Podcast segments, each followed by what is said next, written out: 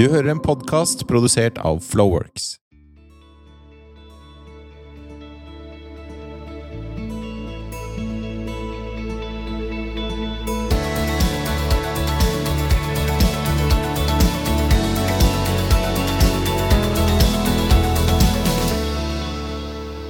Ja, da er vi inne med episode sju, og i dag er jeg litt ekstra gira. For i dag, nei, i dag har vi en veldig kul fyr på besøk, ikke sant Ingrid?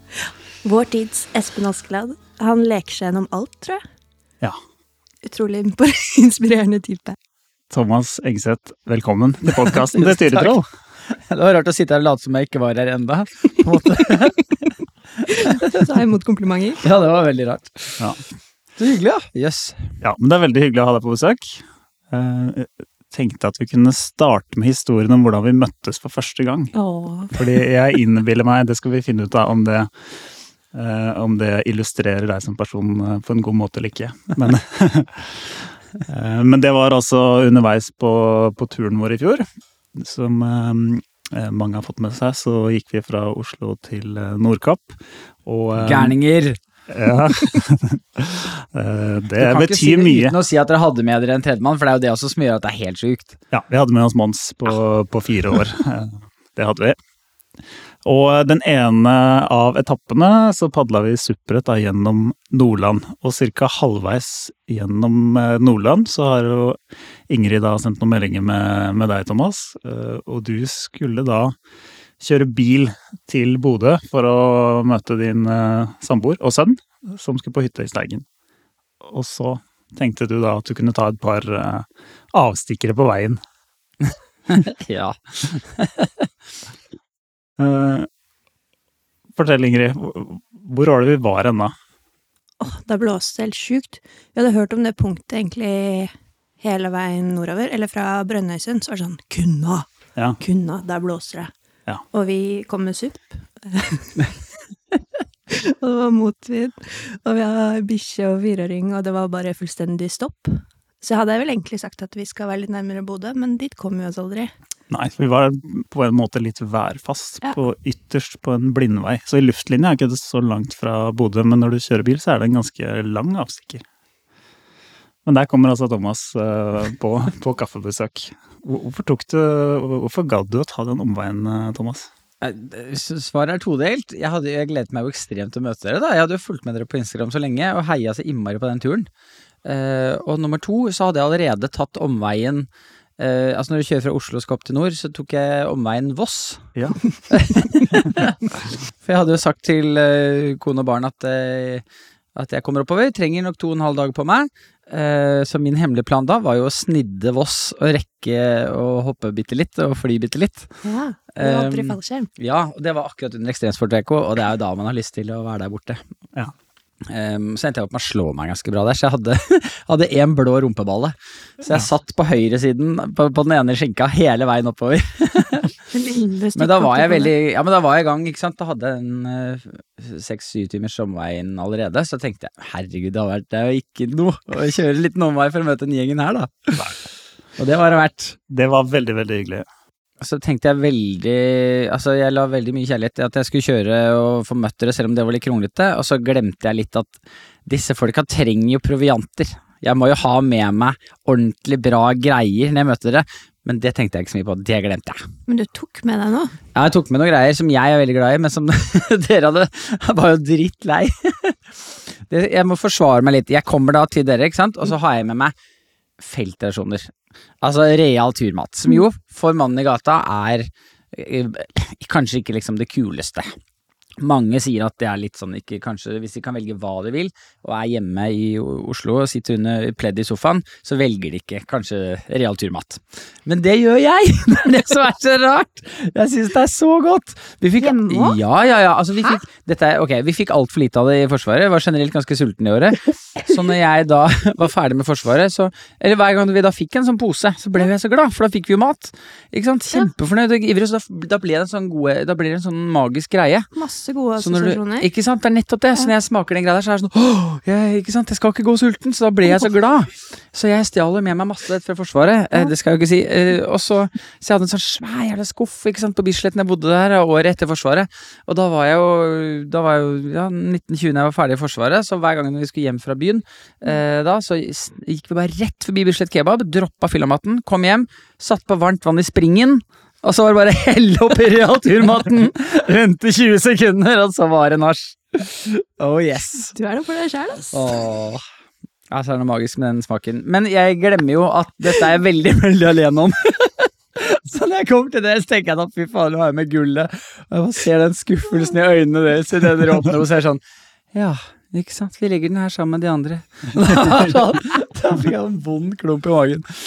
Ja, ja. Men det var ditt gull. Det var veldig det var god det. tanke bak. Da. Ja, det, ja, det var akkurat det det ikke var, da. På en måte. God Du prøver å spille meg god. Det syns jeg er hyggelig. Jeg føler meg varm her. Bra. Men det var veldig hyggelig å få besøk, da. Det, det var jo ikke mange som eh, Det er ikke mange som tar sånne omveier. Få kaffebesøk når man ikke liker kaffe. Ja. For du fikk kaffe òg. Og det betydde jo mye for meg at du drakk Du var den første som drakk av den uh, spikkekoppen min. Som du hadde holdt på med siden Trøndelag. Ja, jeg, spik, jeg spikka på en sånn eh, Jeg tror det var ord. En knute fra en ord sånn som jeg spikka på fra um, ja, rundt Namdalseid til, eh, til nesten til Bodø. ja. Jeg ble imponert, jeg. Det gikk an å drikke den, i hvert Ja, fall. ja, tenk å få Jeg holdt på å si jomfruslurken, det hørtes helt feil ut. Ja. Men eh, ja. Dere, dere skjønner at når dere har meg på besøk, så må dere klippe litt i det. Det er sånn som skjer. Vi klipper aldri. Klipper aldri. One take only. Men så, man får jo danne seg et bilde av en ganske impulsiv eh, type her, da. Ja, Stemmer det? ja det stemmer vel det, ja. Impulsiv og, og leken, da, for de som, de som følger deg på, på Instagram, det er jo ganske mange. Eh, de ser jo en ganske kreativ og leken eh, fyr med mye kule, mye kule videoer.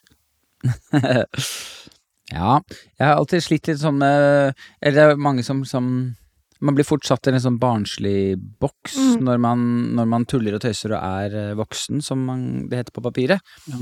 Men ordet barnlig syns jeg er veldig fin, Mm. for det er to veldig forskjellige ting. Eh, og jeg liker jo å tro at barnslig, det er jo egentlig liksom voksne som ikke oppfører seg. Men hvis man eh, leker og er voksen, så syns jeg at barnlig er et veldig fint ord. For du slår meg som både moden og reflektert. Du er ikke umoden.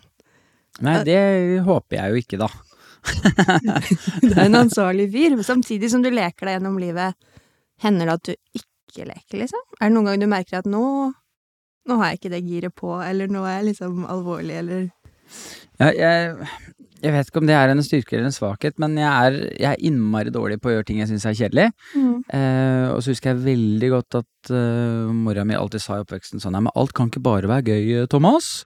Ja. Det er ikke sånn, du kan ikke bare leke deg gjennom livet. Så hele dette livet er egentlig bare å prøve å liksom prove her wrong. og jeg syns jo det går ganske bra. Ja. Så det er veldig ofte sånn, sånn når mamma er liksom på Kommer da på premieren på etter sånn som nå da på dette TV-programmet, hvor jeg er programleder, og så står hun der og ser på at jeg skal sprenge 500 ballonger i løpet av 60 sekunder, og se hvor mange jeg rekker å sprenge. Og det er jobben min. Og så ser jeg bort på mamma, og så er det sånn Oh yeah. Husker du hva du sa, mamma? så det er det som er målet, da. Ja, bra mål. Ja. Og så er jo et annet triks å lete etter folk som man kan ha rundt seg, som syns at de tingene jeg syns er kjedelig, er litt spennende. Ja. Ikke sant? For da slipper man unna ganske mye greier. Ja. Ja. Så sånn som da jeg ble sammen med min nydelige kjæreste Hilde, Mhm. eh, og hun kommer inn i mitt liv og ser at eh, ja, men du har jo et eh, regnskapsbyrå som tar 6% av alle pengene dine for å passe på pengene dine og forvalte og styre årene. Ja. Dette kan jo jeg gjøre, så, så får vi alle de pengene selv. Oi. Og så sier jeg ja, men det er jo en kjempeidé. Så det er jo 100 vinn-vinn! Ikke sant? Jeg har ikke vært inne i nettbanken min på flere år. Hei, Jeg aner ikke hva som skjer der inne, men jeg tror det går. Jeg tror det er pluss og sånn, men så jeg vet ikke hva jeg har på kortet og sånn, men Hilde har full kontroll. Fantastisk. Og hun Ja. syns jo det er litt artig, da. Ja, så bra. Ja. For jeg liker jo forskjellige ting. Altså sånn, du elsker jo å klippe. Det syns jeg er ganske kjedelig. Eller i hvert fall sånn pirkeklipping. Ja. Men du, leker du der òg? ja, det føler jeg absolutt. Ja. Helt klart. Det kommer an på størrelsen på prosjektet. Mm. Når vi gjør TV-programmer hvor ting begynner å strekke seg over halvtimen i episoder, så begynner det å måtte bli litt eh, ja, litt voldsomt når man begynner da på den femte-sjette episoden. Så, eh, så det er liksom egentlig for langt for meg. Så Instagram-formatet koser jeg meg jo veldig med, da. Ja. Så jeg endte med sånn ja, at de tingene vi lager for TV, ofte er godteriposene i programmene. Altså disse innslagene som kommer inn i sendingene. Ja. De liker jeg veldig godt å lage. For da er det rett inn, og så er det tre-fire minutter som skal smelle. altså, og pang, bang, bang, bang, ikke sant? Eh, liksom Gjøre noe gøyalt med en artist som vi heiser opp, eller noen nisser som skal inn i en eller annen rar utfordring, eller hva nå enn. Ja, for du er et artist i glassbur, og så har du, er du da programleder for Alle mot én? Ja. Ja. Altså liksom korte, gøyale greier syns jeg jo er enklere å ikke gå lei, da. Mm. Så er det over til det neste idet man begynner å bli litt lei, så er man av gårde. Det syns jeg er fint. Utrolig. Mm. Jeg syns jo den, den lekenheten og den energien er utrolig beundringsverdig, da. Det må jeg si. Mm. Det, så Ja, lurer men jeg på ja. Jeg, jeg tror at det er veldig Det handler jo om valg hele tiden. Da. På en måte, jeg, jeg velger jo veldig sånn bevisst å ikke takke ja til ting som høres stilig ut, men som jeg vet jeg kommer til å synes kommer til å vare for lenge. Eller på en Mm. måte koster for mye av meg fordi jeg må gjøre mye av det jeg ikke syns er gøy, sammen med de ting som, som jeg syns er gøy. Så jeg har jo måttet holdt jeg på å si, gå glipp av massevis av sånn sjanser til å på en måte kunne gjøre store ting med store budsjetter og sånn og sånn, rett og slett fordi jeg skjønner i inngangen at jeg kommer, det kommer til å bli mye hardt arbeid som ikke er bare gøy. Og hvis det er, hvis det er mye som er liksom jobb som ikke er kjempegøy, så sklir jeg ganske raskt unna. Ja. Så jeg har nok eh, sikkert eh, tapt og vunnet litt på, på den måten å holde på, da. Så du følger lyst, er det det du gjør? Jeg føler, nei, jeg føler moro. Moro. Ja, Det er kompasset. ja, ja, det er jo det jeg har lyst til, rett og slett. Og det, så det handler like mye om de folka jeg da Jeg er frilanser, så jeg hopper jo fra produksjon til produksjon. Mm. Så, hvis, eh, så det handler like mye om de folka som jobber der, altså. Så det også er en god del av hva man ja, gjør og ikke gjør. Ja. Det er viktig, da! ja, det er så Hvis viktig. ikke så kan man jo ja, hvis ikke, Jeg merker jo som de gangene Det som er flott da med å være frilanser, er jo at hvis man kommer inn i et prosjekt som merker sånn Ah, dette var jo en bom, dette skulle jeg aldri sagt ja til, jeg skulle ikke holdt på med dette de neste fire ukene. Som jo jeg syns er lenge å jobbe et det, så så ja, så er jo da på en måte det flotte at da er man jo ferdig om fire uker. Så da er man av gårde. Men så hadde jeg gjort den feilen og så blitt ansatt et sted. Altså, jeg skal ansatt et sted, jeg blir livredd. Jeg bare med tanken på å skulle være det. Fanga. Ja, men tenk deg hvis det ikke er noe moro, da. Nei. Hva gjør man da? Sier opp. Ja, men altså, det er jo voldsomt, da. Ja. Ja. Jeg syns det høres så voldsomt ut, på en måte. Ja. I stedet for at det er sånn, ja, annenhver tredje hver tredje måned, så er det sånn, du, gira på en måned til, eller? Så er det sånn, ja, hadde ikke vært gøy, ja. Jo. Ta en måned til, eller? Ja, da gjør vi det, og så blir det sånn, Flyt med, liksom. så, ja. Men det som slår meg, for nå Vi bor jo og henger litt i samme nabolag. Så det hender at jeg ser deg på vei til eller fra jobb, og selv da leker du. Du går jo ikke. Du sitter er på et elektrisk longboard med ungen i fanget. Ja. det skjønner jeg ikke hvorfor ikke flere gjør, da. Det er kjempegøy. Det ser så gøy ut. Jeg vil påstå hvis flere hadde gjort det, så hadde, hadde folk bare blitt glad av å gå på gata. Ja, ja, ja. Men det er jo så mange som går med hodet ned i telefonen eller med en sur mine, stressa mine, og meg sjæl inkludert ofte. da. Men når du ser deg, så er du alltid liksom Kan ikke la være å smile. Men det er sånn når dere står på Superrettene og har dratt til steder hvor dere veit det er mye vind, ikke sant, så, Ja. så kan man Man klarer jo ikke å huske på de tinga som eh, er pes på telefonen da, fordi du, du kan jo ikke holde den telefonen. Du Nei. kjemper jo for å klare å stå på beina, ikke sant. Ja, det er Og når jeg har lillegutt da på brettet mellom beina, og vi gjør 25-30 km i timen nedover mot Kiellandsplass der, så må jeg må konse noe så voldsomt. Samtidig som jeg har sånn skikkelig kick, og vi sitter der og gliser begge to, og Syver ser på meg bare og så, Han har lært at liksom woho er et ord, virker det som, så han er sånn woho! pappa, woho! Så det er sånn direkte tilbakemelding på at nå har vi det gøy, pappa. Ja. Og da blir jeg så gira. Ja.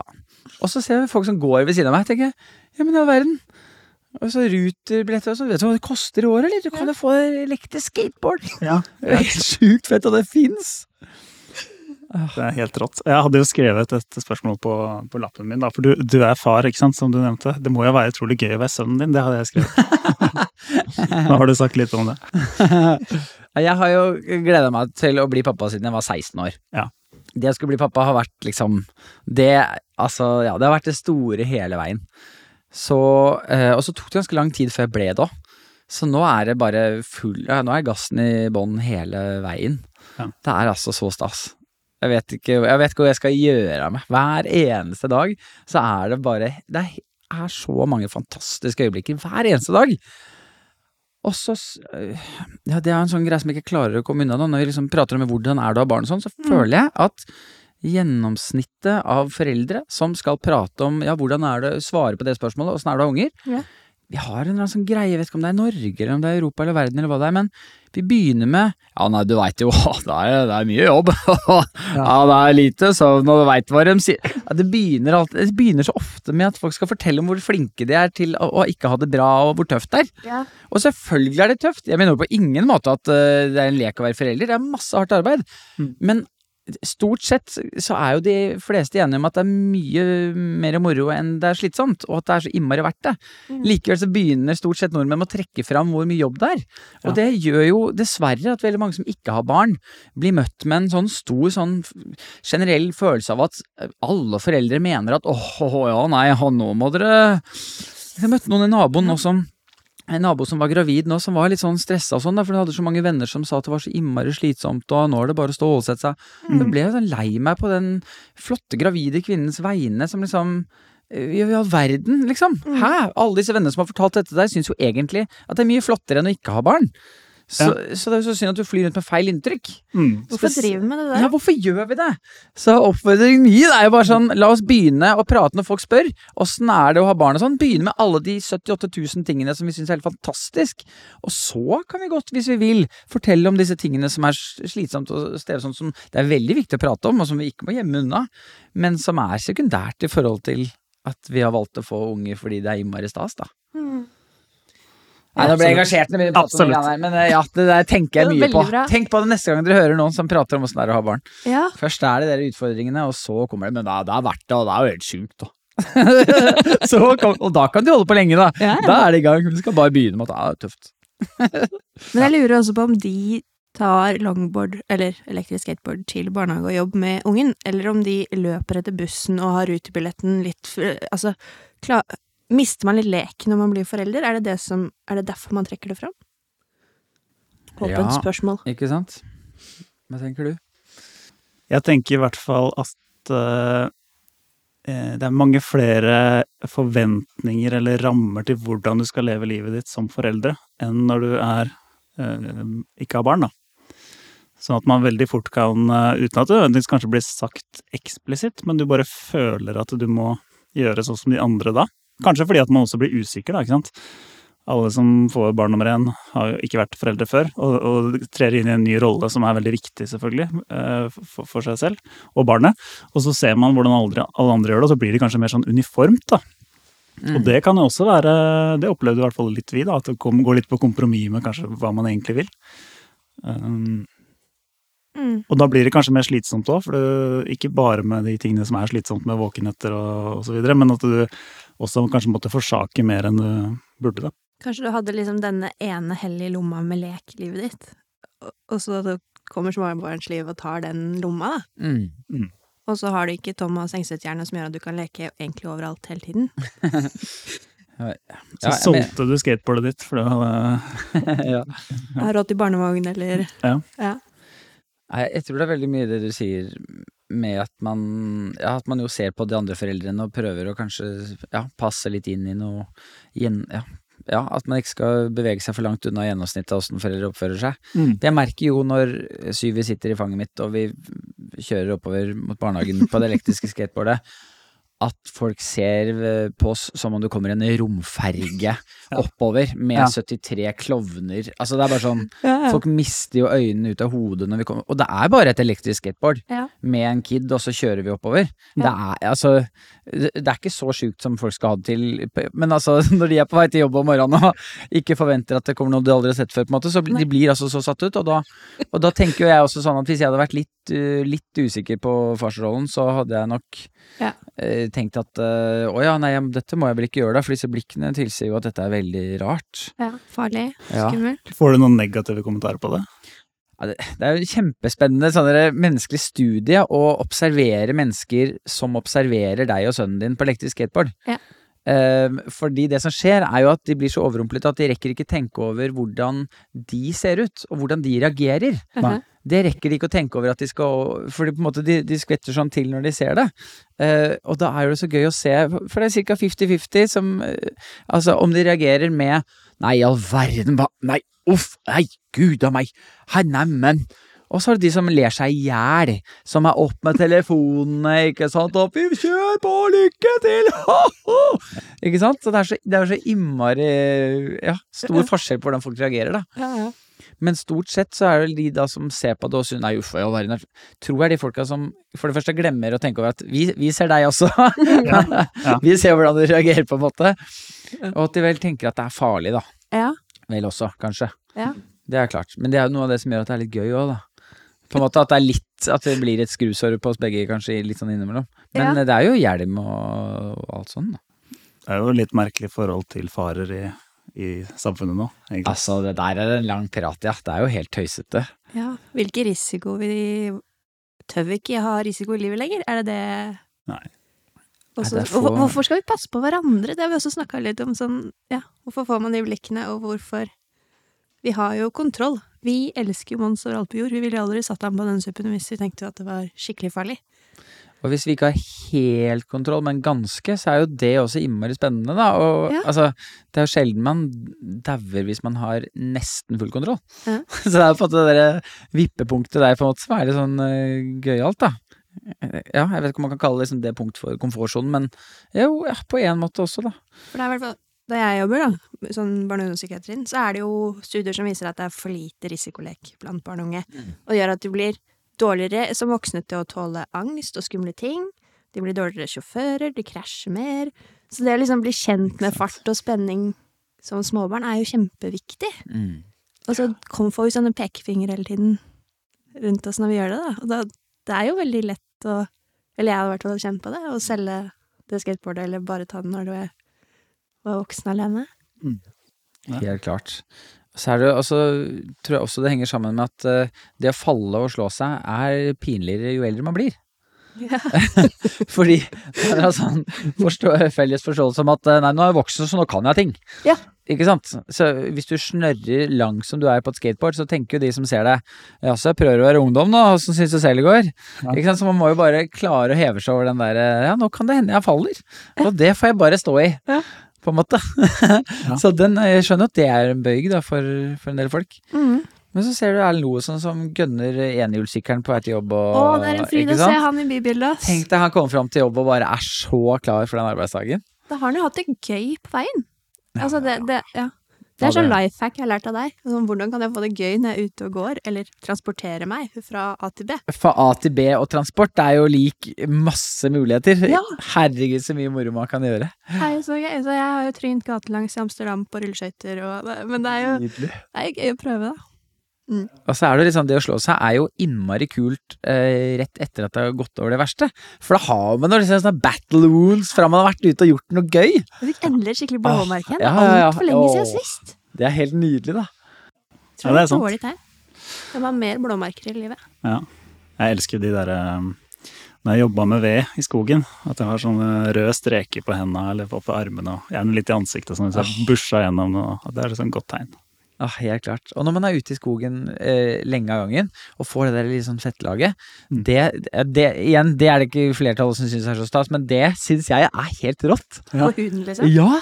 Ja. Du vet, når du ikke, hvis du ikke har dusja da, på tre dager, og ikke Ja, har fått bada eller noe som helst ute i skauen, og bare har vært, å fy fader, nå er jeg Nå er jeg ute i skauen her, altså, nå er det ingen Mm. at, Å, det der, da kan jeg gjerne liksom prøve å la det vare utover turen. Prøve å ikke skylle meg, altså. Hvis Ja. det er så flott. Ja, da er jeg sånn inni naturen, da er jeg sånn ekkel og grise og Blitt en flott. del det av det. Ja, ja, ja. Åh, Og det, det kjenner jeg veldig når vi er på havet, syns jeg. Når alt er litt sånn saltlag, det er det og håret så rett Det syns jeg er helt fantastisk. Da føler jeg meg ordentlig rein òg. Ja, ikke sant? Det er sånn, ja. Herlig. Men jeg lurer på, den, hvor tror du den lekenheten din kommer fra? Vokste du opp med lekende foreldre? Litt av grunnen til at jeg spør, noen av de videoene jeg har sett i det siste på, som du har lagt ut, så virker som faren din er med på mye sprell òg. Ja. Ja. Ja, nei, der kommer det ikke fra. Eh, han er jo Han har vært sinnssykt god på å tilrettelegge for at eh, jeg kan leke. Eh, man har ikke lekt så mye sjæl, men det er jo forsvarsmann, da. Veldig, liksom, egentlig liksom, veldig ordentlig og har full kontroll på alt. Eh, så har vi fått lov til å fly rundt og vimse og holde på, da. Ehm, men jeg tror Ja, jeg tror det mye handla om at jeg begynte på dramalinja på videregående. Ja. For der Altså, komme på skolen klokka ni om morgenen, og så er det første faget ditt bevegelsesforming. Ja. Ikke sant? Altså, da skal vi danse fargen blå, dere. Oi. Og for veldig mange så er det sånn å gud, det var det verste jeg kunne tenkt meg. Men når du da går i en klasse med uh, medelever som er trygge på hverandre, ikke sant. Jobber opp en skikkelig sånn trygghet Ja. på at nå er vi sammen om å skulle lære masse greier. Ja. Og så går man opp kanskje fem og fem uh, foran de andre i klassen, og så setter læreren på en låt, og så skal alle de bare bevege seg til musikken, og så skal vi prøve å gjette hvilke farger de er. Altså, for en start på Og det er skole! Og så visste jeg at nå sitter allmennklassene i, på andre sida av veggen og hører den musikken og har eh, sånn dyp algebra-greie som jeg ikke skjønner noe som helst av. Da følte jeg at jeg hadde eh, lurt livet, altså. Så jeg har bare prøvd å dra av gårde den veien der. Og det leda inn i improteater og inn i liksom TV og Mm. Ja, så jeg tror kanskje mye skjedde der. Altså Ja. hele vendingen min er egentlig stort sett fra, fra den klassen. Klarte du å gjette ja, ble- fargene? Etter hvert litt og litt. Ja. Og man kunne i hvert fall si på en måte på hvilken side av spekteret det var.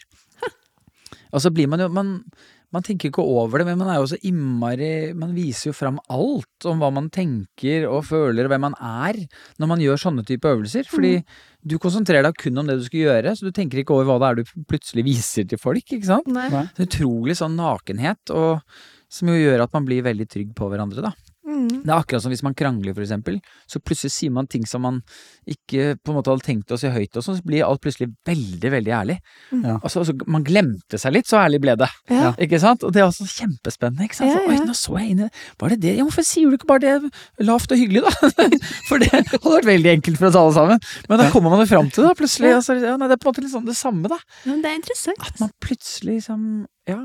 Og det har også vært så spennende når jeg var singel og drev og data og sånn også, å prøve å liksom komme fram til de spørsmålene som gjør at at den man sitter på date med svarer, men ikke skjønner selv at de utleverer seg selv. Ja. Utrolig spennende. Ja. ja, for det er noe med å ta vekk på noen, noen barrierer eller et eller annet som gjør Ja, at du ja, ja. ja. La de prate der om- leker du òg. Å, det var så om jeg lekte! Ja, ja, ja. Altså, sing, ja, altså singeltilværelsen med det å dra på dating. Ja. Fantastisk! Tenk om det fantes en sånn måte å møte mennesker på når man ikke er uh, singel også. Bare kunne sette seg ned med et annet For det som er med dating, som jo er helt utrolig, er at det er en sånn usynlig, liksom, uskreven regel som ingen vet om, men som fins på enhver date. Og det er at nå som vi sitter foran hverandre, vi har aldri møtt hverandre, nå kan jeg stille hvilket som helst spørsmål jeg vil. Ja. Og så må du svare! For vi nordmenn vil heller svare enn å si nei, det vil jeg ikke svare på. Fordi det syns vi er så pinlig og kleint. For da føler vi oss utilstrekkelige. Ja. Så man alle kaster ut alt, og så kjenner man jo ikke hverandre uansett. Det er jo ikke så farlig å gi bort noen hemmelige greier liksom, sånn, til en man ikke kjenner.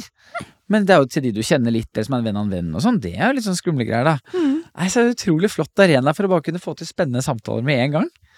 Favorittspørsmålet var Å, det var mange, da. Men Ja. um, ja, kunsten gikk jo etter hvert i å prøve å få ut de mest spennende spørsmålene så tidlig som mulig. Ja. Pushe liksom hvor raskt kan vi hoppe inn i en ordentlig meningsfull samtale. bort fra smalltalken og Ja, rett ja, ja, så vi slipper det tullet. Å, ja, jeg studerte det, jeg kjenner du Kristoffer? Han var bare, bare Ikke sant? Alle de der greiene der.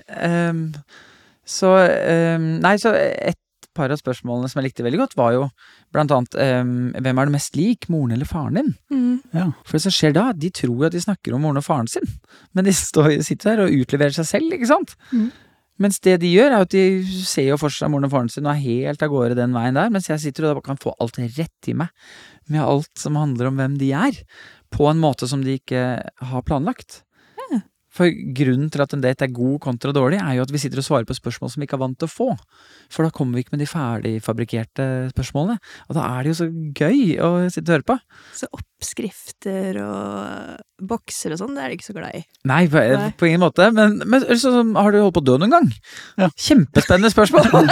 det pleide jeg å kaste ut ganske tidlig jeg, på en date. Ja, det er Ja! Kjempemoro. Og så 90% sikkert så er, det jo, så er det jo ikke en sånn ordentlig mørk historie med en sånn å nei, altså masse hulking og?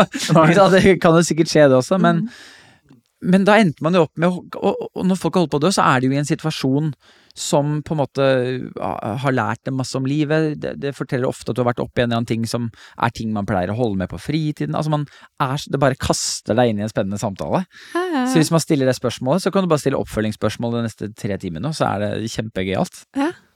Så din lekenhet kommer ikke fra din far, men Nei, din mor? nei, jeg tror ikke det. Jeg tror det er gjengen på Hvem er du mest lik? Gjengen på den dramalinja. Ja, ikke sant? Nei, jeg tror jeg har skyld i at det er mye lekne venner, altså. Ja. Jeg tror det. Det har smitta over. Men trygghet trekker du fram hele tiden, da. At man må være trygg for å leke.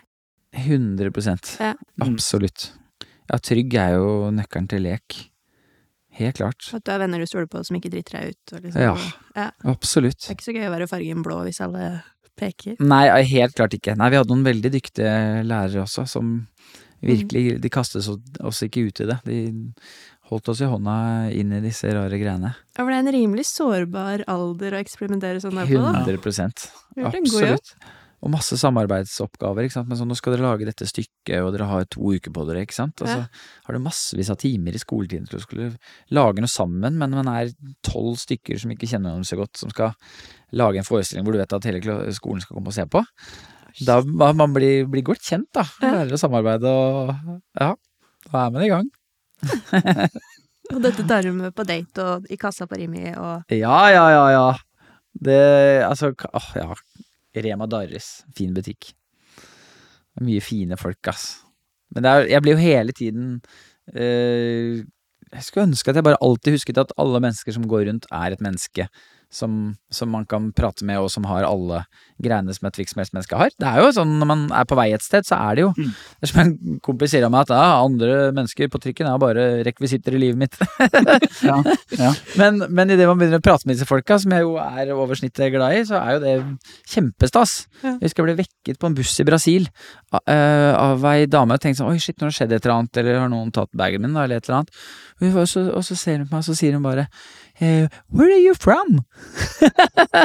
og da skjønte jeg at nå har jeg funnet landet mitt. Her må jeg være. Det var så nydelig. Og så satt vi og skravla da i 20 minutter. Ja, nei, det var nydelig. Så du er eh, generelt nysgjerrig på folk, og liker at folk spør om deg òg? Eller? Nei, jeg er ikke så innmari Vil du bli vekt på bussen, liksom? glad i å prate om meg sjæl. Jeg syns det er veldig mye mer spennende å prate med andre, Mm. på en måte. Så det, men det ligger jo i at jeg er veldig glad i å prate med folk, da. Men sånn meg selv kjenner jeg jo godt. Jeg har ikke lyst til å sitte og skravle meg sjæl hele tida. Det får jeg jo ikke noe ut av. Så det er veldig mye mer spennende å høre om alle andre. Da. Så det er jo litt sånn, når man blir satt i en sånn situasjon som denne podkasten, med ja, ja, nå har vi Thomas på besøk, nå skal vi høre med deg hvem du er. Så er det jo et eller annet sånn grunnleggende rart inni kroppen min som er sånn, ja, men øh, Vil egentlig snakke om noe skal vi det, altså? Ja, men jeg kjenner jo ikke dere så godt, da. Kan vi ikke prate litt om dere, da? Og så blir jeg sånn, ja, men dere har sikkert pratet med alle disse andre podkastene om dere, altså. Er det kjedelig for dere å svare på de samme spørsmål som dere vet dere har snakket om i podkasten? Mm. Så blir jeg liksom fanget mellom eh, Ja. Du blir tvunget, du blir tvunget til å snakke om det? ja, gjør det, da. For jeg tenkte litt på, eh, tilbake til det du sa om, om trygghet. Altså, nå tar jeg litt utgangspunkt i meg sjæl, men, men den lekenheten som jeg har, den blir veldig fort eh, Den kan slukne litt når jeg får veldig mange baller i lufta, og blir litt stressa og litt lite overskudd. Eh, Og du er jo helt åpenbart en mann med veldig mange baller i lufta, men det ser ut som du klarer å holde leken allikevel. Altså, Preger det deg noe, eller, eller er du like leken om du er sliten og så stressa, eller? Jeg syns det har vært veldig deilig eh, å bli eh, eldre i form av at jeg har blitt veldig klar over mine egne begrensninger. Em, det har vært fantastisk deilig, fordi jeg har alltid hatt masse baller i lufta. em, men jeg har aldri vært så klar over som jeg er nå på at multitasking er jeg ordentlig dårlig på. Em, det å tenke to tanker av gangen, det klarer jeg ikke. Det å glede seg til noe, det klarer jeg ikke. Det å grue seg til noe, det klarer jeg ikke. Nei. Um, jeg klarer bare å være akkurat her jeg er her og nå.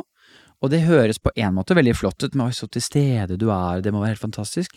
Og ja, det er helt fantastisk, men det har også masse utfordringer ved det. Mm. Sånn som nå har jeg 100 glemt at jeg har en sønn og en kjæreste, ikke sant? Så sånn, Ja. Eh, Hvis jeg for eksempel, hvis vi hadde gått langt over tida her nå, så hadde jeg bare kommet ordentlig for seint. Fordi nå er, ser jeg på dere to, og vi sitter og skravler, Mm. og dette er helt fantastisk. Og nå, altså, nå er dette livet mitt. Ja. Nå finnes det ikke noe annet. Men det handler jo ikke om at jeg ikke syns at uh, familien min er noe fin. Jeg bare jeg glemmer, jeg glemmer at alt som ikke er foran meg, det, det fins ikke akkurat nå. Ja. Så det er jo, som dere hører, ganske utfordrende sikkert for veldig mange rundt meg, og, og for meg selv inkludert. Men så slipper jeg også å grue meg og sånn til ting som sikkert burde være vanskelig, og liksom kan bli pes og sånn, da. Mm. Så minner folk meg på det sånn Ja, det blir ikke gøy når vi skal dit. Sånn, ja, shit, det skal vi jo, ja. Hadde du glemt det? Vi skal til USA om to dager, liksom. Shit, ja, det må, jo, det må vi jo glede oss til. Ja. Ikke sant? Og folk har laga lister og pakka og holdt på. Jeg er liksom, jeg er ikke ja, men Men- det er så mye som skal skje før vi drar, liksom, som ikke har noe med USA å gjøre. Mm. Så ja, nei, så jeg blir, blir det litt sånn skippertak? Kommer, kommer ting veldig overraskende på det, Sånn som en USA-tur, at du ikke har visum, ikke har pakka, når du plutselig bare å shit, flyet går i morgen. Er det sånn? Kalenderen har blitt uh, min venn i veldig mye større grad. Ja. Fordi når man er yngre, så kan man jo gå på masse smeller, så går det greit, ikke sant. Mm. Men så kommer det jo mer i sånn jobb med ansvar og budsjetter og liksom ja, barn og alle de greiene der, så da må man jo, da må det jo funke. Ja. Så nå er det det jeg har gjort, at jeg bare funnet ut at skal jeg klare å ha orden og system, så må jeg ha et møte med kjæresten min hver kveld. Hvor vi for det første prater om, øh, vi ser på hverandre og sier hvordan har vi det, og har du hatt en fin dag, og er det noe du tenker på som kan bli bedre? Og når vi er ferdig med den biten, så er det nede i kalenderen, og så er det ok, hva skjer i morgen? Hva skjer de neste to-tre dagene? Har vi kontroll? Eller det er stort sett hun som sier mellom linjene 'har du kontroll'? så det er egentlig et møte for meg. sånn at hun også vet at jeg er med og har litt oversikt, da. Og i det sekundet møtet er over, så glemmer jeg jo alt, selvfølgelig, og så ringer alarmen og forteller meg hva som skjer til enhver tid, da. Ja. Så, Du så jeg, har, du har et sånn eh, et system ja, som holder rett og slett, det må jeg bare. Mm. Så sånn som det å komme hit i dag, for eksempel. Det, altså, det hadde jo vært alle grunner til å glede seg til, men Ja. det har jeg altså ikke gjort. For jeg har ikke tenkt over at dette skulle skje. Mens i dag tidlig så sier det pling! I dag skal du på podkast med den gode gjengen! Og da er det sånn å shit, det er kult! Og så glemmer jeg det. Og så Ja. kommer det en ny alarm som går på to timer før. Å ja, ok, da må vi gjøre oss klare. Så det er nå så. Ja, Det høres jo veldig deilig ut òg, men uh, Begge deler. ja. Mm. Men jeg merker mest av den fine tingen, da. For jeg lever, lever jo bare midt oppi det, si. Men det er jo sikkert de rundt som syns det er litt mer stress, da. ja. Men jeg har laget en struktur og et system. Men de kjenner meg godt og er vant til at det er sånn. Ja. Så folk er flinke til å ringe meg og minne meg på ting, og blikket ikke overrasket hvis det er et eller annet jeg har glemt, og folk er fine. Ja. Det er fascinerende å høre, da. Jeg høres jo helt bakstående ut, hører jeg nå. Nei, men det går, jeg kan jo falle i å bli for langt andre veien. da. Å tenke for mye på ting som er langt frem. på en måte Prøve å planlegge for ting, eller Ja. bekymre seg over ting som du egentlig ikke får gjort noe med, kanskje heller. Som ligger langt frem. Så Og da er det vanskelig å være leken, og det er vanskelig å være til stede. Så ja, det er fordeler og ulemper med det meste. ja, det er det. Ja, for det er også sånn eh, da jeg skal legge meg, så sier kjæresten min ah, det er så mye å tenke på, vet du, men det blir vanskelig å sove. Sånn, Men i all verden, hva er det å å tenke på, da? Er det ikke bare å Du tenker bare på Ja, det kan være altså, jeg har ikke myk og Ja, ja. Å, kjenn på den senga, altså. Ja. Du er sånn van- vandrende mindfulness-øvelse, egentlig. Alltid her og nå. Ja, nei, men jeg skulle, ja, eh, så jeg skulle ønske at jeg kunne glede meg til ting, og at jeg kunne planlegge litt. Det har vært superflott. Men så er det ganske mye fint som kommer med det òg, da. Så jeg er happy, jeg, altså. Du ser happy ut. Ja da. Men der skal det ikke misforstås, har jeg skjønt. For du liker også å snakke om det litt mer sånn dypere, juicy Du er ikke bare glad og lett. Det er det som er så rart, ikke sant? Ja. Fordi mitt ytre er jo veldig holdt jeg på å si, skravlete og lete og alt sånt, og så er jo det aller mest spennende i livet, det er jo å prate om, om alle følelsene vi har inni oss. Ikke sant? Eh, som jo på en måte da Sånn som vi snakket om i stad, dette med å dra på date, kunne liksom holde de ordentlig gode, spennende samtalene, som ikke skal være morsomme nødvendigvis, ikke sant, men at vi kan lære av hverandre og Ja. dele erfaringer og liksom Shit, hvordan var det? Det gjorde så helt ikke, Den biten der er jo egentlig det aller, aller mest spennende, men Ja. som det fremstår jo kanskje ikke sånn når man, når man møter meg på skateboardet med lillegutt på vei til barnehagen. Så ehm, så jeg har nok gått glipp av et par spennende samtalepartnere, kanskje, fordi folk ikke tenker at uh, det er nok ikke han eh, jeg skal prate med om følelser uh, med det første. Men nå vet du det. Men nå, nå vet folk det. Takk for det. Man kan også gråte hos deg. Absolutt. Få en klem. Er du gæren? Også litt uh, frista til å Jo, jeg lurer da på hva betyr friluftsliv for deg? Vi har jo vært på, på tur med deg og, og familien din, eh, og det ser ut som du koser deg veldig i, eh, i naturen også. Men hva betyr det for deg? Fri og luft og liv. Altså, det er jo et fantastisk ord som forteller egentlig alt. Ehm, og det som er sånn gøyalt med det, er jo de som er litt sånn over snittet glad i friluftsliv, sånn som vi tre jo er. Ja. eh, Er jo at eh, stort sett så prater vi alle om det på ganske like måter, med liksom hvorfor det er så flott. Eh, Så det virker jo som Altså, det er veldig rart hvis Altså, det virker jo som det er en slags fasit da, på hva, hva det gjør med oss. Ja. Det er jo, jeg har enda ikke liksom sett noe særlig folk som prater om forskningsartiklene som sier at det ikke er noe bra å være ute i friluftsliv og ikke sove ute og ikke dra på tur. Ja. Ehm, så jeg føler jo at jeg får oversikt over eh, livet. Jeg føler at jeg kan titte ned på livet der nede som flyr rundt, og på en måte se meg og alle de andre greiene som flyr rundt nede der, og Ja. prøver å rekke ting og styrer ordninger ordner og holder på. Ja. Og på en måte får løfta blikket, og får oversikt, og senker tempoet helt og kan ha ordentlig gode samtaler. Ja. Uten å bli avbrutt. Flight mode og bare Nå er det kun de menneskene som er her, og nå er det oss, og nå ja, lager vi minner. Ja. Mm. Hvor det starta det, da? Har du fått det fra barndommen, eller er det militær, eller hva? Ja, nå traff du egentlig ganske bra, altså. Eh, for jeg har vokst opp på eh, skistadioner og fotballbaner, Mm. eh, og det er det veldig lite natur eh, i. Mm. Man tenker jo at hvis man går langrenn, så er man innmari mye ute i naturen, men jeg har vært mye på Lyngdalseter skistadion og Holmenkollen skistadion og Bekkelager skistadion og, og gått sirkler, ikke sant? Ja. Um, så idet jeg begynte i Forsvaret, så fikk jeg meg en sånn ja, verden Og jeg har bodd oppe ved Sognsvann, ikke sant? Mm. Og likevel så så Det har ikke vært noen sånn kultur for det, på en måte, verken blant venner eller familie. Så da jeg begynte i Forsvaret, så fikk jeg jo det sjokket. Uh, og syns jo egentlig stort sett at det var et helvete. Fordi jeg hadde jo ikke skillsa som skulle til, ikke sant? For du var fallskjermjeger, eller noe sånt? Ja, Det var ganske eh, intense greier. ja det var jo litt intenst, da.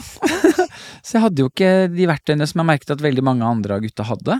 Det var veldig mye jegere og fiskere og friluftslivsfolk, da. Hva var det du sleit med som de fikk til? Nei, altså Bare på opptak og sånn, så skal du jo Du blir jo stilt ganske til veggs med at her får du klare deg sjæl. Mm. ute med litt for lite klær og ikke noe særlig mat og greier. Og de gutta som hadde vært ordentlig mye ute i skauen, var jo innmari vant til å bare De fant seg en tyrerrota som brant hele natta, de, og så var det greit. Ja. Mens jeg flyr rundt og leter etter våt ved, ikke sant. Eh, så du lærte skikkelig på den harde måten, da. Ja, shit. Så det ble et ganske sånn brutalt møte med naturen, egentlig. Så når jeg var hjemme i helgene, så var jeg bare helt Ja, de helgene vi hadde fri, var jeg bare helt satt ut over hva det var jeg hadde vært igjennom de siste ukene, på en måte. Kom hjem og bare lå på sofaen hjemme hos mor, og hun stelte meg, og var helt ute å kjøre, liksom. Men så sakte, men sikkert så gikk det seg jo til, da, og så fikk, lærte jeg jo innmari mye av disse gutta ha befale og alt mulig rart. Så når når åren, året var omme og, og jeg kom ut i det sivile livet igjen, så følte jeg plutselig sånn Oi, nå, kan, nå har jeg jo lært hva jeg kan gjøre for at det skal være gøy der ute. Mm. Og når jeg nå stikker ut i naturen, så er det én ingen som jakter på meg. Ja. Sykt deilig. For vi fikk jo opptrening i å være bak fiendens linjer, ikke sant. Mm. Vi satte oss inn i flyet, fløy langt inn i Grukkerskauen, hoppa ut, og visste at fra vi hopper ut av flyet til om eh, ti dager, så er det folk på kontinuerlig jakt etter deg. Shit. Og det er jo veldig slitsomt, da. Det hørtes slitsomt ut. Eh, du har ikke sjans til noe friluftsliv i de greiene der. Nei. Så Kanskje konstant i beredskap, liksom? 100 Ja. altså, I Forsvaret så er det liksom beredskapen går gjennom liksom fargekoder. ikke sant? Er du, er du på grønn, så er det ikke noe farlig, og du trenger ikke vaktpost ute, osv. Og, så. Mm. og så jobber det seg oppover mot rød, og det var der vi holdt på. Ja. Så det var liksom til enhver tid eh, så måtte en, selv om vi var seks stykker, så måtte alltid liksom en eller to holde vakt natta igjennom, og børser og alt og sko på til enhver tid, og det var liksom, ja, så det var liksom eh, Du fikk liksom ikke roa ned, da. Så når jeg da kom ut i sivile liv og kunne fly rundt i skogen, og ingen jakta på meg Så bare nummer én, at ingen jakta på meg, var helt fantastisk. Ja. Tenkte sånn, I all verden, er det sånn her folk har holdt på? Er de bare ute i skogen og er, og ingen skal ta dem? Det er fantastisk. Slipper å ha med hornsalt som du kan kaste rundt sånn at ikke hundene kan finne det. Altså bare sånn Ja. dustegreier, ikke sant. Men, uh, og så hadde du, kan du ha med deg hva du vil. Du kan ha med deg mat. Digg. Ikke sant? Du kan ha med deg masse mat. Du kan bære Real. kjempetungt og bare ha med deg masse real! Ja. Så mye du vil! Ikke sant? I stedet for å få to real til hver dag, så visste du at Så jeg har ofte med meg liksom fire real for en dag! Å, nå skal jeg kose meg! Ikke sant? Kan man blande, man kan holde på. Eh, masse muligheter. helt, helt hjernevaska ut, da. Nei, det, ikke sant? Man kan ha med seg så mye man vil. Mm. Og så kan man ha med seg det utstyret man også vil, ikke bare det som akkurat er delt ut fra Forsvaret. Ja. en spade, bærbær, enkeltmanns. Mm. Du kan liksom, du kan virkelig bare ja, kitte opp akkurat det du selv vil, og så er det, veit du hva du har i sekken på de riktige stedene. Og i tillegg da på toppen av alt dette, så har man all kunnskapen som vi lærte. Ja. Som jo er masse, masse spennende greier. Ja. Med navigering og holde seg tørr og varm og all, hele den biten der som bare er liksom det ordentlige, the basics, da, som jeg fikk under huden. Ja. Sånn, ja, nei, det er, nå er det bare, å, en glede. Herlig. Ja, det er fantastisk. Men hva er det som ga oppi alt dette helvetet, som har vært noen naturopplevelser òg, da? Som du fikk med deg mens du ble jagd, eller altså, hva var det som ga mersmak? Hvorfor gadd du å dra ut igjen? Ja, for det også var jo så artig med at jeg ikke hadde blitt eksponert noe ordentlig for ordentlig, ordentlig vill natur. Mm. For vi var jo steder hvor man stort sett ikke drar på tur også, fordi det er jo for langt å komme, komme seg dit, og eller- Du jo- sluppet ja. fra et helikopter, liksom. Ja, Eller helikopter og fly og ja, båt og alt mulig rart. Så man kommer jo til steder og er sånn Her hadde jeg jo aldri dratt på egen hånd.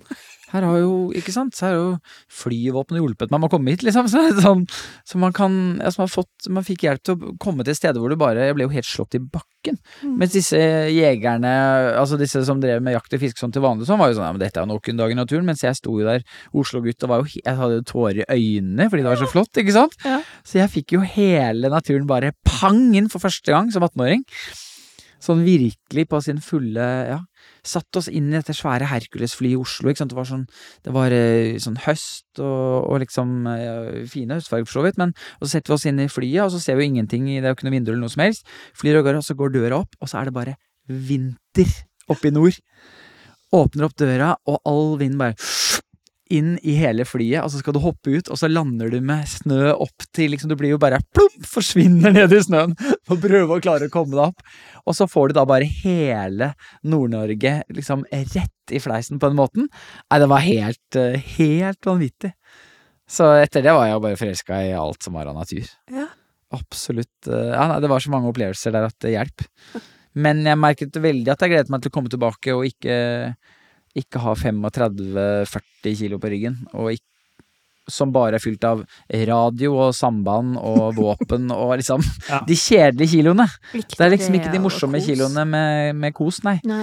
Med nøttemiks og liksom alle de andre greiene som er deilig. Mm. Og litt av liksom tjukk pølse og alle de greiene som liksom gjør at det er litt ekstra stas. Og, Ja. Melon og jordbær hadde dere Ikke med sant? forrige gang. ja, ja, det var ikke så veldig mye melon på de turene der. Nei. Altså nå, eh, ja, så om eh, Nå er jo bare ja, Friluftsliv er alt det nå. Fantastisk. Og i en alder av 18 Jeg vet ikke helt om jeg hadde klart å bli fascinert, jeg, da. Eller ta det inn, på en måte. Jeg hadde sånn Kanskje jeg var litt mer umoden enn deg. Men du, ja, du Ja, men lot deg altså- berge deg, liksom? Men sett man ja, og Du mente at det var ungt? Ja. Ja, sånn, ja. ja.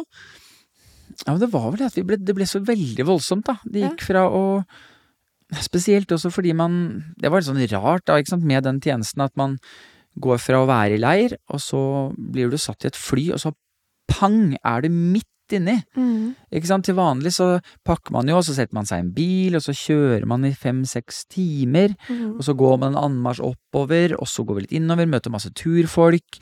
Og så, etter noen timer, da begynner man å ikke se bilen lenger, og så er man der. Mm. Men så her ble det liksom på bang, på et sekund, Sluppet så blir du sånn- sluppet midt nedi liksom gryta hvor det er helt dødt døde. Ja. Og så skal jo alle være stille, ikke sant. Ingen skal jo si en lyd. Så vi prata jo ikke sammen i løpet av de ti eh, døgna vi ofte var ute liksom av gangen.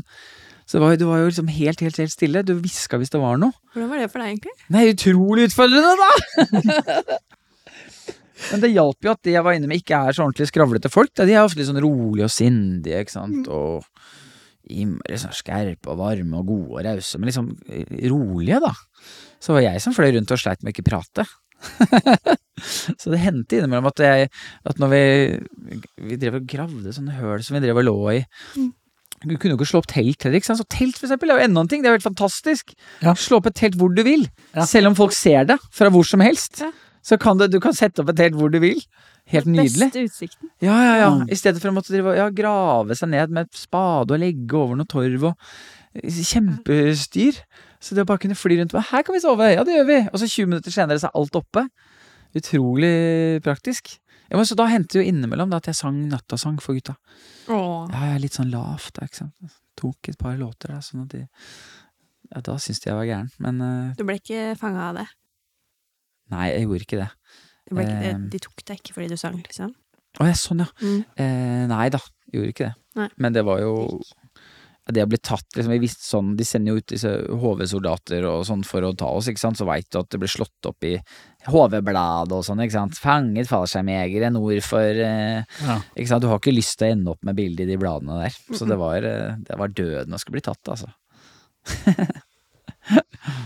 Jeg tenkte på de teltplassene, de teltplassene som vi ofte har, er kanskje stikk motsatt av det dere ønsker, eh, med sånne store telt, oransje og turkise telt Ja. eh, på utsiktspunkter. Ja, men da har jeg lyst til å åpne opp døra og så liksom Ja, ja. Se alt. Ja, det er det det er. Vite at det ligger, eh, ligger et telt og så rett på utsiden i morgen tidlig, så vet man ikke åssen været er, så åpner man opp, og så bare Ja. Jeg ble litt nysgjerrig på hva grunnen til at du søkte fallskjermjeger. Du fortalte jo videregående så var det jo drama, og da var den gnisten vekt. Og du liker og jo leken. egentlig ikke systemer og bokser. Altså, Nei, så det er jo et litt, eh, sett utenfra, litt rar retning etter Ja, det var jo helt feil, det der. Men, eh, men veldig riktig, da, fordi nei, ja, nei, det som skjedde, var at jeg vel eh, Jeg har hatt to fantastiske foreldre og en helt nydelig bror. Og massevis av gode venner, så jeg følte på en måte at alt var så bra. Alt var fint. Alt var flott. Så heldig jeg er. Um, og skjønte vel på et tidspunkt at man møter jo folk som har stått oppi mye, ikke sant. Folk har jo bagasje, og folk har historier, og opplevd masse tunge ting, og hører hele tiden om om at alt de har lært av det, og at de står sterkere på andre siden, og den biten der som jeg aldri forsto noe av. Ja. Jeg skjønte ikke noe av de greiene der. Nei. Jeg var helt liksom, hadde ikke ja, jeg hadde fått en flis i tåa, det var stort sett Jeg har vært kjempeheldig, ikke sant? Sluppet unna masse utfordringer. Så jeg Mm. tenkte vel at uh, nå trenger jeg en skikkelig utfordring. Nå trenger jeg å få juling. Nå trenger jeg å gå på en ordentlig smell, slite psykisk. liksom sånn. Ja, men det høres jo helt ut som Jeg kjempe jeg føler meg så heldig som kan liksom sitte og si at jeg trengte litt utfordringer. Men, men så det var jo rett og slett det. Jeg- Du ville herde deg selv Jeg trengte å få litt juling, tror jeg, altså, for å Jeg følte at det mangla litt. Ja. Eh, og, men det tenker man jo når man er uh, varm og mett og, og sitter hjemme. Mm. Det er noe annet når man plutselig har meldt seg opp og skjønner at uh, å ja, ok, dette var ikke noe hyggelig. dette var vonde greier. Ja. Eh, men det spennende var jo også da at av, av de som kom inn, ikke sant, det er veldig mange som søker, og så er det veldig, veldig få som kommer inn. Men av oss som kom inn, så var det godt over 90% som, og her, her kommer det spennende fakta, altså, Mm. som hadde foreldre som var sammen. Over 90 Ja, det er det som kom inn. Og det er jo eh, Ja, som, som Ja. klarte opptaket, og Og som er endte opp der. å klare det. opptaket. og det er jo et ordentlig, ordentlig tøft opptak, ikke sant? Det er en øh, ja, 2-3 prosent som kommer inn, eller hva det er. Ja. Øh, så- det, det vi liksom lekte hobbypsykologer på var, og dette må jo du hjelpe meg med, da, har det noe med saken å gjøre, med at vi absolutt liksom alle av 25 da, Ja. kom fra hjem hvor vi bare vi, Det var så trygt og godt, og alt var greit, og hjem og liksom Ja. At det virket som veldig mange hadde dratt dit for å, for å få en trøkk. På en måte, fordi vi følte at vi trengte det. Mm. Eh, og at hvis vi når vi er på det opptaket og, og, og man ikke har lyst til å gi seg, vi prøver ikke å gi oss, vi skal ikke gi oss. Vi fikk sånn startnummer på brystet, og så skal man Man kunne bare gi seg frivillig. De sa ikke 'du får ikke være her, mm, dra hjem', ikke sant, så du måtte gi deg. Det var en sånn ydmykende greie. Mm. Men likevel så ga jo folk seg hele tiden hver eneste dag. Ja. Men så det vi lekte litt med var at når det ble ordentlig, ordentlig tøft, at vi, at vi hadde det så trygt og godt at vi hadde på en måte ikke noe Vi visste hva vi kom hjem til. Ja. Jeg sier ikke at, altså, man har det grusomt hvis man har skiltforeldre, det er jo ikke det jeg mener. Men, men at vi på en måte hadde det trygt og godt før vi kom dit. Som visste at hvis vi gir opp nå, så er det jo bare tilbake og ha det fint. Så vi Mm. hadde på en måte, vi kunne gi litt ekstra Vi var ikke redde for at det skulle bli vondt og utrygt og kjipt. Ja. Vi kunne stå litt i det. Ja. Fordi vi visste at alt var jo Gud uansett, det er jo bare en lek. Ja. Ja. Det minnet oss ikke på Ja. Nei, dette er veldig hobbypsykologete. Jeg har ingen utdannelse. Jeg bare, vi bare skvatt litt av at av 25 stykker så var det én eller to som hadde skilt foreldre. Mm. Og vi vet jo at snittet ligger på ca. 50-50, Ja, så det, jeg bare klarer ikke å se bort fra det. Jeg vet ikke. Men det er, jeg tenker det som er spennende i det, er kanskje den der trygghetsfaktoren som du trekker frem, da. Altså, det er, altså skilt, de som har skilte kan jo også være trygge. Ja, ja, ja Men, eh, 100 Men det det er jo en sånn gammeldags oppfatning at man må herdes, og så må man liksom gjennom så mye dritt for å liksom bli ordentlig tøff. Men det er jo egentlig motsatt, at man tåler mer jo tryggere man er, da. Psykologisk. Altså, ja. Dette er jo bare en lek. Nervesystemet tåler det. Jeg tror ikke at jeg er i en ekte krig. Jeg vet at dette går over. At man har noen sånne Ja, for det er liksom det der vi også kom fram til. Det er bare at vi har ikke noe, vi har ikke noe utdannelse, vi aner ikke hva vi prater om. Så det er spennende å høre at du kanskje sier at, at noe av det har noe med noe sånt å gjøre, ja. Ja. Det er jo rart det der med at man tenker at jo mer motgang man har møtt, jo tøffere er man. Man får jo et overaktivt nervesystem som tror det er i krig hele tiden. Det er det man får hvis man opplever mye traume tidlig, da. Ja. Hvis man har trygg oppvekst hvor man vet at man er elsket og blir tatt imot, så tåler man jo mer påkjenninger. Eh, det er egentlig litt sånn bakvendt av hva man kanskje er oppvokst med til å tro, da. Ja, for man skulle jo tro det litt. Tøffingene har alltid arr på film. Ja, de har det. Å, fy faen, så er svære muskler for alle de tøffe tingene de har vært igjennom. På en måte. Mm. Ja. Men de klarer jo ofte ikke regulere seg ned igjen når faren er over, da. De blir værende oppe i fight, flight, freeze-modus over tid. Mens de som klarer å regulere seg ned og hente seg inn og synge nattasanger og 'dette går bra', de tåler kanskje Ja. mer over tid, da. Jeg vet ikke. For det var kjempespennende studie av menneskeheten, dette opptaket. For det er liksom en voldsom opplevelse som 18-åring å være et sted med ja, For først er det massevis av folk som søker, og så er det 400 som får lov til å komme på en måte dit, og så får man startnummer, og så blir man jo kjent med massevis av disse menneskene, så skal man prøve å skjønne sånn, hvem er det som kommer til å gi seg her? Og de skal Ja. gi seg frivillig. Og alle disse 400 har trent masse for å komme dit, og dette har de fortalt alle venner om, og nå skal de klare det. Alle har noe å tape. Og så veit du at det er så få som skal inn, så det bare innmari spennende å prøve å se hvem, hvem knekker, og hvordan knekker de, ikke sant? Og, og ja. Hva, hva, de som, hva tror du er hovedgrunnen til at de gir seg, eller hva har du observert? Var det fysisk ubehag, eller er det noe annet? Psykisk? ja, det er på en måte Det fysiske ubehaget fører jo til psykisk ubehag, så det er på en måte det psykiske ubehaget. um, for alle, det er jo på en måte den klassiske med at du kan alltid gå ti meter til. Mm. Så man gir seg jo fordi man tror at man ikke klarer det. Men det som var spennende, var jo å observere alle som ga seg eh, De ville jo ikke gi seg ved å si at eh, jeg klarer ikke og vil ikke mer og orker ikke mer psykisk. Det er det jo ingen som kan si. Nei. Og, ikke sant, å komme ut av dette med hevet uh, hode. Så det man sa, var jo at man ikke var motivert nok lenger. Mm. Som jo var veldig frustrerende for oss som fortsatte videre. på en måte, for sånn, Hæ, du var jo det i går! kan ikke bare si at du ikke vil mer? Kom igjen! si heller at det er for tøft, da! Fader ullan, her står jeg og har det dritt, jeg òg! det tenkte vi inni oss da. Det skjønner jeg. Ja, nei, men, det- ja, nei, Så de som for eksempel ble ordentlig ble sinna på ting som skjedde, for eksempel, ikke sant? Ble bedt om å gjøre meningsløse ting hele tiden. Ja. Hvis du har bind for øya og er trøtt og sulten og de spinner deg litt rundt, så blir man jo sur. Ja, ja. Men noen ble surere enn andre. Og da er det som du sa, dette med at man klarer ikke jobbe seg ned igjen etterpå, da. Nei. Så når vi da ble bedt om å gjøre en veldig rolig, kjedelig ting etterpå, hvor det var om å ikke sovne, eksempel, så om man fortsatt er sinna fra stad, så blir det jo tøft. Og da må den der styrken din med å være her og nå være gull. For du blir kanskje ikke forbanna på det som skjedde i går. Altså, jeg ville bygd opp aggresjon over tid på alt dette meningsløse. Ja. Men du har jo kanskje glemt det meningsløse fra forrige time? Jeg vil si jeg juksa meg litt gjennom, ja. Absolutt. jeg sleit veldig med å se fremover og tenke å, tenk om det og det skjer. Du slapp å grue deg over ja, jeg gruer meg jo ikke noe som helst, jeg. Bærer ikke nag og gruer seg ikke. Nei. Det, det høres jo perfekt ut i en sånn setting. Men dere, dette var Ja. fantastisk spennende. Eh, ikke i tvil om at vi kunne snakka et par timer til, men klokka går fort. Ja. Og Thomas må jo komme seg hjem til familien sin. Han må det. Ja, det må dere òg. Ja. Så tusen hjertelig. går det med lillegutt, forresten? Ja, det går bra. Ja, Det går det, bra. Heldig fyr, ass. Han har begynt på skolen, og han, um, han driver og han hjelper til da, med å planlegge neste eh, ekspedisjon. Så han har jo masse ideer. Så vi prøver å se hvordan kan vi Tenk å vokse opp og være han, og liksom kunne se tilbake til den tida hvor man er så liten at man nesten ikke husker det, og så har man vært liksom badass fra dag én. Fy søren, ass. Ja, det der er kult. Det er spennende å se hva han fy sier. fader, En vakker dag. Det er veldig gøy å se um, det som åpenbart liksom er et resultat av hvordan vi har uh, tatt ham med på ting. Da. Hvordan han liksom snakker så lett om at men kan vi ikke bare dra på en ny ekspedisjon etter det igjen, for da skal vi til uh, jungelen og se om vi finner en anakonda. Ja. Og, og han, det er sånn liksom helt åpenbart for han at vi skal det, på en måte. Fy søren, det her er ikke vanlig, vet Det du. er, det er gøy. Wow. Man får jo ikke lyst, man får lyst til å hjelpe han å oppleve de tingene.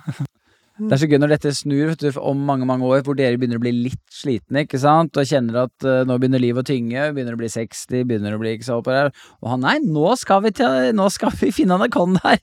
Og det er sånn, å shit, hva er det vi har satt i gang? så må dere bare være med. Det er bra, da. Ja. Da skal han bære meg på skuldrene. Ja, det er bra. Jeg har en del kilometer i banken som han skal betale tilbake på et tidspunkt. Ja, den bæremeisen blir tung. Ja, si en sånn stor, god bæremeis. Jeg blir sånn gammel som sitter i hornet på veggen. Da, da kan han bære meg. Nei, men tusen hjertelig takk for at du kom, Thomas. Alltid en glede. komme. Så hyggelig å snakke med deg. Å, i like måte. Dere er så motiverende, fine folk. Jeg elsker å følge dere på Instagram. I like måte. Mm. Mer lek til folket. Følg Thomas. Og tusen takk til alle som eh, lytta inn på dagens episode. Vi høres. Hei då.